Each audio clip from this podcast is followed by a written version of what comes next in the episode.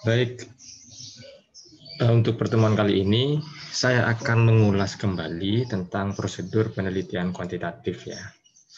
Jadi kemarin sudah sempat kita bahas bersama tentang prosedur penelitian kuantitatif, namun saya kembali membuat rangkuman peta konsep begitu ya supaya kalian lebih mudah memahami supaya alur berpikir kalian juga lebih sistematis dan runtut dalam memahami prosedur penelitian kuantitatif ini. Dan nanti juga pada pertemuan kali ini saya juga akan membahas tentang tinjauan pustaka, lalu kerangka berpikir dan hipotesis. Meskipun secara tidak langsung ya kita sudah membahas kerangka berpikir, hipotesis dan eh, tinjauan pustaka itu dalam prosedur penelitian kuantitatif ini. Baik, saya mulai prosedur penelitian kuantitatif. Yang pertama, yang perlu kita pahami dan sudah sering kali saya uh, jelaskan ya, sering kali saya katakan, saya jelaskan bahwa penelitian itu berangkat dari masalah ya. Jadi kalau tidak ada masalah ya tidak perlu diteliti ya. Jadi penelitian itu bukan uh, ajang memilih topik variabel yang akan kita teliti, tetapi penelitian itu adalah berangkat dari masalah. Jadi ada masalah dulu. Nah, masalah yang kita angkat dalam penelitian itu tentunya masalah yang berupa fenomena, ya, masalah yang terjadi dalam skala besar. Artinya masalah itu eh, tidak terjadi dalam skala yang kecil atau tidak hanya terjadi pada kelompok-kelompok kecil, tetapi masalah itu merupakan masalah yang menjadi sebuah fenomena ya, dan terjadi di beberapa tempat seperti itu ya. Kita harus bisa membedakan antara fenomena dan kasus ya. Kalau fenomena itu terjadinya sudah dalam skala yang besar ya, meliputi beberapa uh, tempat begitu ya. Sedangkan kalau kasus itu uh, masalah yang terjadi pada beberapa orang saja ya masalah yang kita angkat dalam penelitian kuantitatif adalah masalah yang berupa fenomena ya. Nah, di pendahuluan masalah ini kita perjelas dengan data-data statistik, dengan bukti-bukti empiris ya, dengan uh, misalnya dengan eh, berita-berita yang ada di media massa dan sebagainya ya. Lalu masalah yang kita angkat dalam penelitian kuantitatif itu memiliki urgensi ya, memiliki uh, apa namanya istilahnya mendesak untuk segera diatasi gitu ya. Jadi pastikan dulu bahwa masalah itu ada dan masalah itu adalah masalah yang cakupannya luas berupa fenomena ya dan masalah itu memiliki urgensi untuk segera diatasi ya. Nah, selanjutnya ketika kita sudah memiliki masalah ya, biasanya masalah itu kan kita eh, jabarkan dalam bentuk ciri-ciri perilaku ya. Ciri-ciri perilaku misalnya kita mengamati masalah yang terjadi di sekolah kok ada masalah yang ciri-cirinya eh, sebagai berikut. Misalnya pertama, siswa jarang mengerjakan tugas yang diberikan guru, siswa sering keluar kelas saat guru menjelaskan misalnya. Atau siswa eh, tidak mendengarkan penjelasan guru, ada yang tidur dan sebagainya ya. Nah, kita melihat masalah itu dari indikasi-indikasi perilaku yang muncul ya. Kemudian masalah tersebut kita identifikasi ya. Tentunya ketika kita ingin mengidentifikasi sebuah masalah, kita memerlukan sebuah referensi ya. Kita harus membaca jurnal, membaca buku. Ini tujuannya apa? Yang pertama, supaya jelas ya, identifikasi perilaku yang muncul yang menjadi sebuah masalah itu, ini dalam psikologi ini disebutnya apa ya? Ini kalau dalam istilah psikologi eh, dalam eh, istilah psikologi ini eh, konstruk psikologi yang apa namanya gitu ya. Nah, dari situ dari ciri-ciri perilaku ini setelah kita baca jurnal dan buku ternyata ternyata eh, ciri-ciri perilaku itu merujuk pada masalah. Misalnya masalah oh ternyata ini masalah motivasi berprestasi ya. Dari mana kalian tahu? Setelah saya membaca jurnal dan buku ternyata eh, ini hampir sama dan mirip dengan eh, ciri-ciri motivasi berprestasi yang dikatakan oleh McClellan misalnya bahwa seorang yang motivasinya rendah adalah sebagai berikut ini kok sama ya Pak dengan uh, indikasi perilaku yang muncul di sekolah itu. Nah, maka kita sudah mengidentifikasi bahwa masalah yang uh, kita lihat yang terjadi di sekolah itu adalah sebenarnya masalah motivasi berprestasi yang rendah begitu ya. Nah, selanjutnya masalah itu dibatasi ya. Jadi kita harus fokus dan spesifik membahas masalah. Kalau kita sudah membahas motivasi prestasi, ya sudah motivasi prestasi saja. Karena kebanyakan mahasiswa itu uh, tidak fokus ya. Misalnya di skripsi dia tulis motivasi berprestasi, misalnya hubungan uh, efikasi diri dengan motivasi prestasi misalnya. Tetapi di dalam dia malah menjelaskan motivasi belajar. Nah itu tidak tidak fokus ya. Kalau motivasi prestasi ya motivasi prestasi saja tidak ada urusannya dengan motivasi belajar gitu ya. Nah, maka sejatinya kita sudah menemukan variabel y kita ya. Variabel y ini adalah variabel dependen atau variabel terikat ya. Sejatinya variabel y ini adalah topik utama yang kita bahas dalam penelitian kita. Masalah itu merujuknya ke variabel y ya. Jadi ketika kalian mengangkat motivasi berprestasi ini sebagai variabel y, artinya memang ada masalah pada motivasi berprestasi siswa. Salahnya apa ya motivasi berprestasi siswa yang kalian temukan, yang kalian amati itu rendah. Dan ini uh, sudah menjadi sebuah fenomena, tidak hanya di sekolah yang kalian amati, di beberapa sekolah misalnya, ketika kalian membaca berita ya juga terjadi seperti itu. Atau wawancara dengan beberapa guru di beberapa sekolah di wilayah lain juga terjadinya seperti itu. Nah, ini masalah sudah menjadi sebuah fenomena.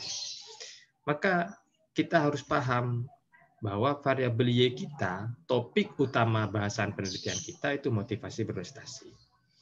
Selanjutnya, kita kembali eh, memperkaya wawasan kita dengan hunting jurnal dan membaca buku. Kita harus banyak membaca jurnal dan buku. Ini gunanya apa, Pak? Selanjutnya kita akan mencari jurnal yang membahas motivasi berprestasi. Ini posisinya sebagai variabel Y ya. Sebagaimana penelitian kita. Gunanya adalah kita akan mencari, kita menemukan harus menemukan variabel X-nya ya, variabel bebasnya atau variabel prediktornya ya, yang akan kita pasangkan dengan motivasi berprestasi ini. Kalau penelitian kita korelasi, maka kita harus menemukan variabel prediktor apa. Variabel X ini variabel bebas atau variabel prediktor ya. Artinya variabel yang mempengaruhi variabel Y. Variabel X apa yang eh, akan saya pasangkan dengan motivasi berprestasi. Kalian cari beberapa jurnal ya. Lalu misalnya kalian menemukan ini jurnal satu, kalian menemukan hubungan konsep diri dengan motivasi berprestasi maka kalian sudah menemukan variabel konsep diri ya sebagai variabel X. Yang kedua, dukungan sosial terhadap motivasi prestasi. Nah, kalian sudah menemukan lagi variabel X-nya dukungan sosial. Lalu ini eksperimen ya, efektivitas pembelajaran sosio-emosional terhadap motivasi prestasi. Nah, kalian sudah menemukan lagi uh, sosio-emosional ternyata berpengaruh terhadap motivasi prestasi ya. Lalu kalian menemukan lagi efikasi diri dan dukungan sosial. Lalu kalian menemukan lagi Eh, keterlibatan orang tua dan lokus kontrol ya sebagai uh, variabel X dari motivasi prestasi. Ya. Selanjutnya, saya harus memilih variabel X yang mana, Pak? Pemilihan variabel X ini harus berdasarkan pertimbangan yang secara teoritis dan statistik ya. Bahwa dalam memilih variabel X itu harus pertimbangannya teoritis dan statistik. Misalnya saya memilih konsep diri Pak sebagai variabel X saya yang akan saya korelasikan dengan motivasi berprestasi ya. Kenapa? Ya karena yang saya baca dari jurnal dan buku, Lawrence mengatakan bahwa konsep diri merupakan prediktor ya atau faktor terkuat yang mempengaruhi motivasi berprestasi. Nah, itu alasan secara teoritis. Lalu ada alasan secara statistik ya. Alasan secara statistiknya apa? Ternyata setelah saya baca beberapa jurnal, Pak, saya menemukan bahwa variabel X yang memiliki koefisien korelasi paling tinggi, koefisien korelasi ini adalah besar hubungan ya, yang memiliki koefisien korelasi paling tinggi terhadap motivasi prestasi adalah konsep diri. Nah, itu adalah alasan secara statistik. Selain itu, nah gunanya kalian membaca jurnal dan buku adalah yang ketiga ini menemukan kerangka teori yang pas ya, yang yang akan kalian gunakan dalam penelitian kalian. Jadi motivasi berprestasi misalnya ya topik Y-nya ya, variabel Y-nya. Ini kalau kalian baca jurnal dan buku ya, akan menemukan jadi kalian akan menemukan ya, kalian akan menemukan bahwa setelah saya membaca buku, Pak, dan baca jurnal ternyata kerangka teori yang pas digunakan untuk bahasan motivasi berprestasi saya adalah teori motivasi berprestasi Wickfield dan Eklas misalnya. Kenapa kamu menggunakan itu? Karena eh, teori motivasi berprestasi Wickfield dan Eklas itu yang sering digunakan kepada siswa dan penelitian saya digunakan kepada siswa. Maka studi literatur yang ketiga adalah gunanya untuk menemukan kerangka teori yang pas digunakan untuk eh, penelitian kalian. Yang ketiga, untuk menemukan definisi ya, definisi dari variabel X dan Y. Baik itu definisi konsep diri dan definisi motivasi berprestasi. Termasuk juga aspek-aspeknya, faktor-faktornya, dan indikatornya ya. Gunanya apa? Nah, ini nanti yang menjadi dasar kalian dalam merumuskan definisi operasional, di mana definisi operasional itu nanti yang akan kalian jadikan dasar dalam membuat instrumen atau membuat skala untuk pengambilan data. Ya, jadi motivasi berprestasi misalnya ya. Nanti kalian eh, apa definisinya, aspeknya apa, faktornya apa, indikatornya apa. Oh ternyata indikatornya ada tiga misalnya, ulet, gigih, dan penuh semangat misalnya ya, seperti itu. Maka dari indikator itu yang akan kalian jadikan eh, nanti sebagai dasar kalian merumuskan atau mengembangkan instrumen dalam mengambil data. Jadi nanti dari indikator gigi, ulet, dan semangat itu nanti dibuat item-item yang menjadi uh, skala penelitian kalian untuk mengumpulkan data, begitu ya. Jadi itu gunanya studi literatur, jurnal dan buku itu uh, banyak sekali manfaatnya, terutama jurnal-jurnal ya. Jadi uh, sebuah karya ilmiah itu akan lebih bagus apabila didominasi oleh jurnal-jurnal, terutama jurnal-jurnal yang eh, mempunyai akreditasi yang diakui ya kalau di nasional itu Sinta, kalau di dunia itu Scopus ya. Jurnal-jurnal yang terbaru terutama ya, 10 minimal lima tahun terakhir ya, itu akan lebih bagus.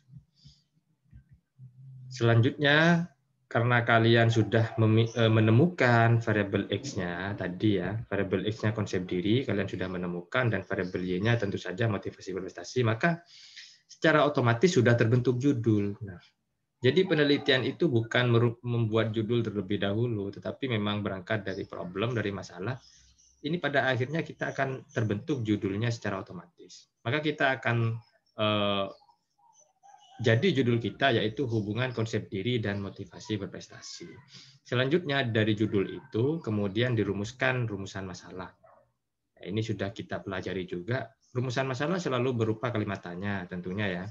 Rumusan masalah ini ada rumusan masalah deskriptif ya. Misalnya rumusan masalah deskriptif itu bagaimana gambaran konsep diri pada mahasiswa gitu ya. Ada rumusan masalah komparatif ini perbandingan ya. Misalnya Eh, bagaimana perbandingan konsep diri mahasiswa antara laki-laki dan perempuan ya.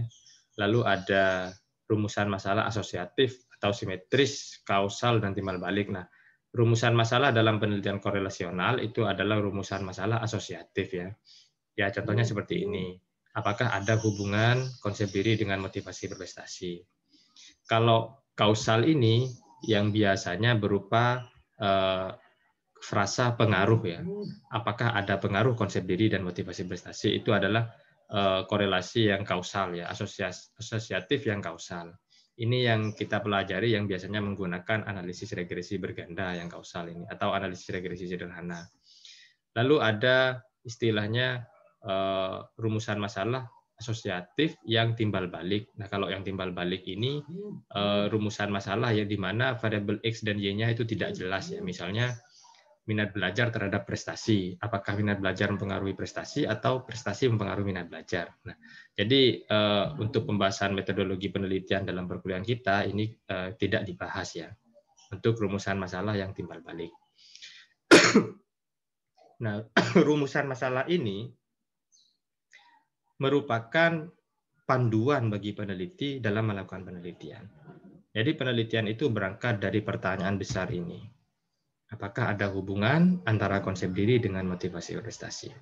Selanjutnya, untuk menjawab perumusan masalah ini, ya, kita memerlukan landasan teori atau kerangka teori atau kerangka konsep, theoretical framework dan conceptual framework. Maka rumusan masalah ini sejatinya itu dijawab dalam hipotesis ya. Hipotesis ini berupa jawaban sementara dari rumusan masalah yang berdasarkan teori dan konsep ya. Nah, untuk membuat hipotesis, untuk merumuskan hipotesis terlebih dahulu peneliti harus membuat kerangka berpikir. Apa itu kerangka berpikir? Kerangka berpikir adalah pernyataan atau narasi yang menjelaskan hubungan ya, keterkaitan variabel atau bagaimana variabel x itu berhubungan dengan variabel y atau bagaimana variabel x itu mempengaruhi variabel y yang didasarkan teori dan konsep. Ini biasanya berbentuk narasi atau dinamika psikologis ya. Nah, baru dari kerangka berpikir ini yang dibangun dari teori dan hasil penelitian sebelumnya, kita rumuskan hipotesis. Contoh kerangka berpikir adalah seperti ini.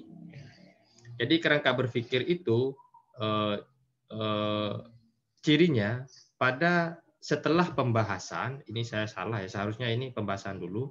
Setelah pembahasan, setelah narasi, setelah penjelasan ya, baru ada gambar ya. Ada gambar eh, disebutnya model konseptual ya.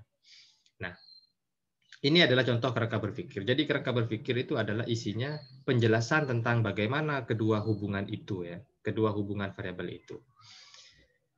Misalnya seperti ini kerangka berpikirnya. Berdasarkan perspektif teori atribusi Wenner, dijelaskan bahwa ada hubungan kuat antara konsep diri dan motivasi berprestasi. Nah, ini sudah landasan teori ya dari teori atribusi bahwa memang ada hubungan. Selain itu, konsep diri yang positif ini penjelasan menjadi prediktor kuat terhadap motivasi berprestasi siswa sebagaimana pendapatnya Sang ya yang menjelaskan bahwa konsep diri terkait secara positif dengan minat dan motivasi siswa. Penjelasannya adalah nah ini dinamika psikologis ini yang saya uh, berikan tanda tebal ini tulisan tebal. Siswa yang merasa yakin, ini narasinya dinamika psikologis itu bagaimana ceritanya sih kok konsep diri itu punya hubungan dengan motivasi prestasi seperti itu ya. Siswa yang merasa yakin dengan kemampuan belajarnya dan merasa berharga akan menunjukkan minat dan motivasi yang besar dalam meraih prestasi ya. Lawrence mengungkapkan bahwa siswa dengan konsep diri tinggi menyadari kekuatan dan kelemahan dirinya ya, yang intinya pada akhirnya akan membuat motivasi pencapaiannya menjadi lebih tinggi. Dan beberapa hasil penelitian menunjukkan bahwa memang ada hubungan yang positif dan signifikan antara konsep diri dengan motivasi prestasi. Nah, ini adalah alur atau dinamika psikologis yang menjelaskan hubungan konsep diri dengan motivasi prestasi. Dengan dasar teori dan riset sebelumnya tentang hubungan konsep diri dan motivasi prestasi ini, maka selanjutnya kita dapat merumuskan sebuah hipotesis. Hipotesisnya apa? Ada hubungan konsep diri dengan motivasi prestasi. Tentunya hipotesis itu sekali lagi bukan asumsi kalian, bukan menurut kalian, tetapi itu dibangun dari teori dan penelitian sebelumnya. Lalu pertanyaannya begini, kenapa kalau sudah rumusan masalah itu terjawab, Pak ya, dari teori, eh, kenapa tidak berhenti saja? Kenapa masih perlu dilakukan penelitian? Nah, inilah yang dalam ilmu pengetahuan disebut sebagai kutub rasional ya.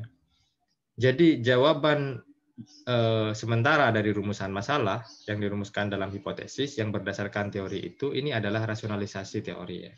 Jadi kita perlu membuktikan lagi secara empiris. Kalau ini hanya secara rasional saja ya. Jadi kita perlu membuktikan lagi secara empiris. Bagaimana caranya? Maka penelitian itu sejatinya adalah untuk membuktikan ya hipotesis yang sudah kita bangun ini ya yang menyatakan ada hubungan konsep diri dengan motivasi prestasi. Nah, ini kan hipotesis kan sudah menyatakan ada hubungan berdasarkan teori dan riset sebelumnya. Jadi hakikat penelitian itu adalah untuk membuktikan secara empiris apakah hipotesis yang kita bangun ini diterima atau ditolak begitu ya. Nah, ini yang disebut sebagai pembuktian empiris. Untuk membuktikan apakah hipotesis itu diterima atau ditolak, caranya adalah tentu dengan pengujian secara statistik. Kenapa dikatakan empiris? Karena perilaku motivasi berprestasi dan eh, perilaku konsep diri yang positif atau negatif begitu ya. Itu secara empiris bisa kita kumpulkan melalui data. Artinya perilaku itu tidak berupa abstrak lagi tetapi sudah bisa diamati dan di-scoring begitu ya. Maka untuk menjawab hipotesis ini kita memerlukan pengujian secara statistik. Untuk melakukan pengujian secara statistik, kita memerlukan pengumpulan data tentunya. Ya. Kita perlu pengumpulan data dulu. Pengumpulan data ini dilakukan kepada siapa? Dilakukan kepada subjek penelitian kita. Apakah dilakukan kepada semua populasi, Pak? Misalnya penelitian saya pada mahasiswa UNTAK, apakah kepada seluruh mahasiswa UNTAK? Tentu tidak. Kata Sugiono, penelitian kuantitatif memiliki kelebihan dia lebih eh, mengefisiensi waktu ya. Karena peneliti itu memiliki keterbatasan waktu, maka penelitian dalam penelitian kuantitatif itu tidak perlu dilakukan pada populasi, tetapi cukup dilakukan kepada sampel. Sampel ini adalah eh, perwakilan dari populasi. Jadi beberapa orang yang diambil, beberapa individu yang diambil dari populasi itu namanya sampel. Dalam mengambil sampel ya, itu ada teknik-tekniknya. Nanti kita juga pelajari dalam perkuliahan ini ya. Ada uh, random sampling, ada stratified random sampling, ada cluster random sampling ya. Kenapa perlu teknik? Ya supaya sampel yang diambil dari populasi ini benar-benar merepresentatifkan ya, benar-benar mewakili dari populasi. Jadi tidak asal mengambil ya, jadi harus di random gitu. Nah, untuk mengumpulkan data dari sampel dari subjek penelitian kita, tentunya kita memerlukan alat. Ya. Apa alatnya? Kalau untuk mengukur berat badan, ada timbangan. Kalau untuk mengukur suhu, ya ada termometer. Kalau untuk mengambil data tentang konsep diri dan motivasi berprestasi, kita perlu alat apa? Maka kita memerlukan uh, instrumen atau alat ukur atau skala ya namanya skala konsep diri dan skala motivasi berprestasi untuk kita berikan kepada subjek kita harus kembangkan ini dari definisi operasional ya dari definisi operasional yaitu definisi yang memuat aspek dan indikator perilaku contohnya motivasi berprestasi adalah keadaan dalam diri individu yang ditandai dengan perasaan gigih, ulet dan semangat. Maka gigih, ulet dan semangat itu menjadi indikator ya menjadi indikator atau dasar dalam membuat item-item yang akan dikembangkan dalam skala ini. Ya. Selanjutnya, ketika kita sudah membuat skala, sebelum kita berikan kepada subjek kita, itu memerlukan yang namanya uji validitas dan uji reliabilitas. Ya. Jadi, eh, skala kita harus melalui pengujian. Nanti eh, biasanya dipelajari di statistik ya, uji validitas, bagaimana caranya, dan ada thresholdnya, berapa kriterianya item itu dikatakan valid ya. Lalu berapa kriterianya uh, sebuah skala itu dikatakan reliable ya. Setelah alat ukur kita valid dan reliable, valid reliable itu ajek ya. Maka kita dapat memberikannya kepada subjek penelitian kita. Selanjutnya kita kumpulkan datanya, lalu kita analisis ya. Nah, untuk menganalisis data, ini kita perlu tahapan lagi. Apakah saya harus melakukan analisis data dengan statistik parametrik atau non-parametrik, Pak? Sebelum kita menentukan, kalau yang parametrik itu, kalau korelasi, ya korelasi persen produk momen, ya atau analisis regresi sederhana, analisis regresi berganda, kalau komparasi yang UJT, ya kalau yang Eh, komparasi lainnya dalam eksperimen itu ANOVA, NACOVA, nah itu parametrik ya. Jadi statistik parametrik itu statistik yang uh, dilakukan kepada data penelitian di mana datanya itu berdistribusi normal dan linier ya. Sedangkan ketika ternyata uh, data kita tidak normal dan tidak linier, maka kita lakukan apa namanya kita lakukan statistik non parametrik. Jadi sebelum kita melakukan analisis data, kita menentukan mau pakai analisis data apa, kita memerlukan yang namanya uji normalitas dan uji linearitas. Kalau ternyata data kita itu normal dan linier, maka kita menggunakan statistik parametrik ya.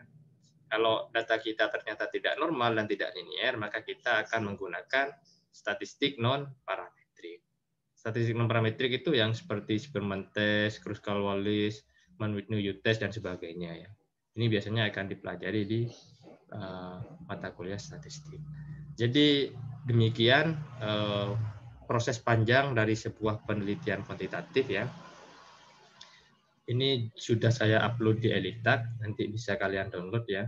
Mudah-mudahan dengan gambaran seperti ini, uh, sistematika berpikir kalian itu lebih sistematis tentunya, lebih lebih runtut begitu ya dalam memahami langkah-langkah yang akan kalian lakukan dalam penelitian kuantitatif. Karena tidak sedikit mahasiswa yang saya lihat itu ketika mereka menyusun skripsi misalnya, itu mereka malah kebingungan. Ini setelah saya, eh, misalnya setelah saya melakukan eh, merumuskan hipotesis, selanjutnya apa ya yang saya lakukan ya? Kebanyakan tidak jarang mahasiswa itu eh, tidak mengerti gitu alur yang harus mereka lakukan. Contohnya, ini saya sudah mengembangkan instrumen, saya sudah buat blueprint, ini selanjutnya apa? Gitu ya. Nah, jadi tahapan-tahapan seperti ini yang harus benar-benar kalian pahami, supaya nanti ketika kalian menyusun skripsi dan uh, atau menulis karya ilmiah lain berkaitan dengan penelitian kuantitatif itu tidak mengalami kebingungan ya. Oke, untuk selanjutnya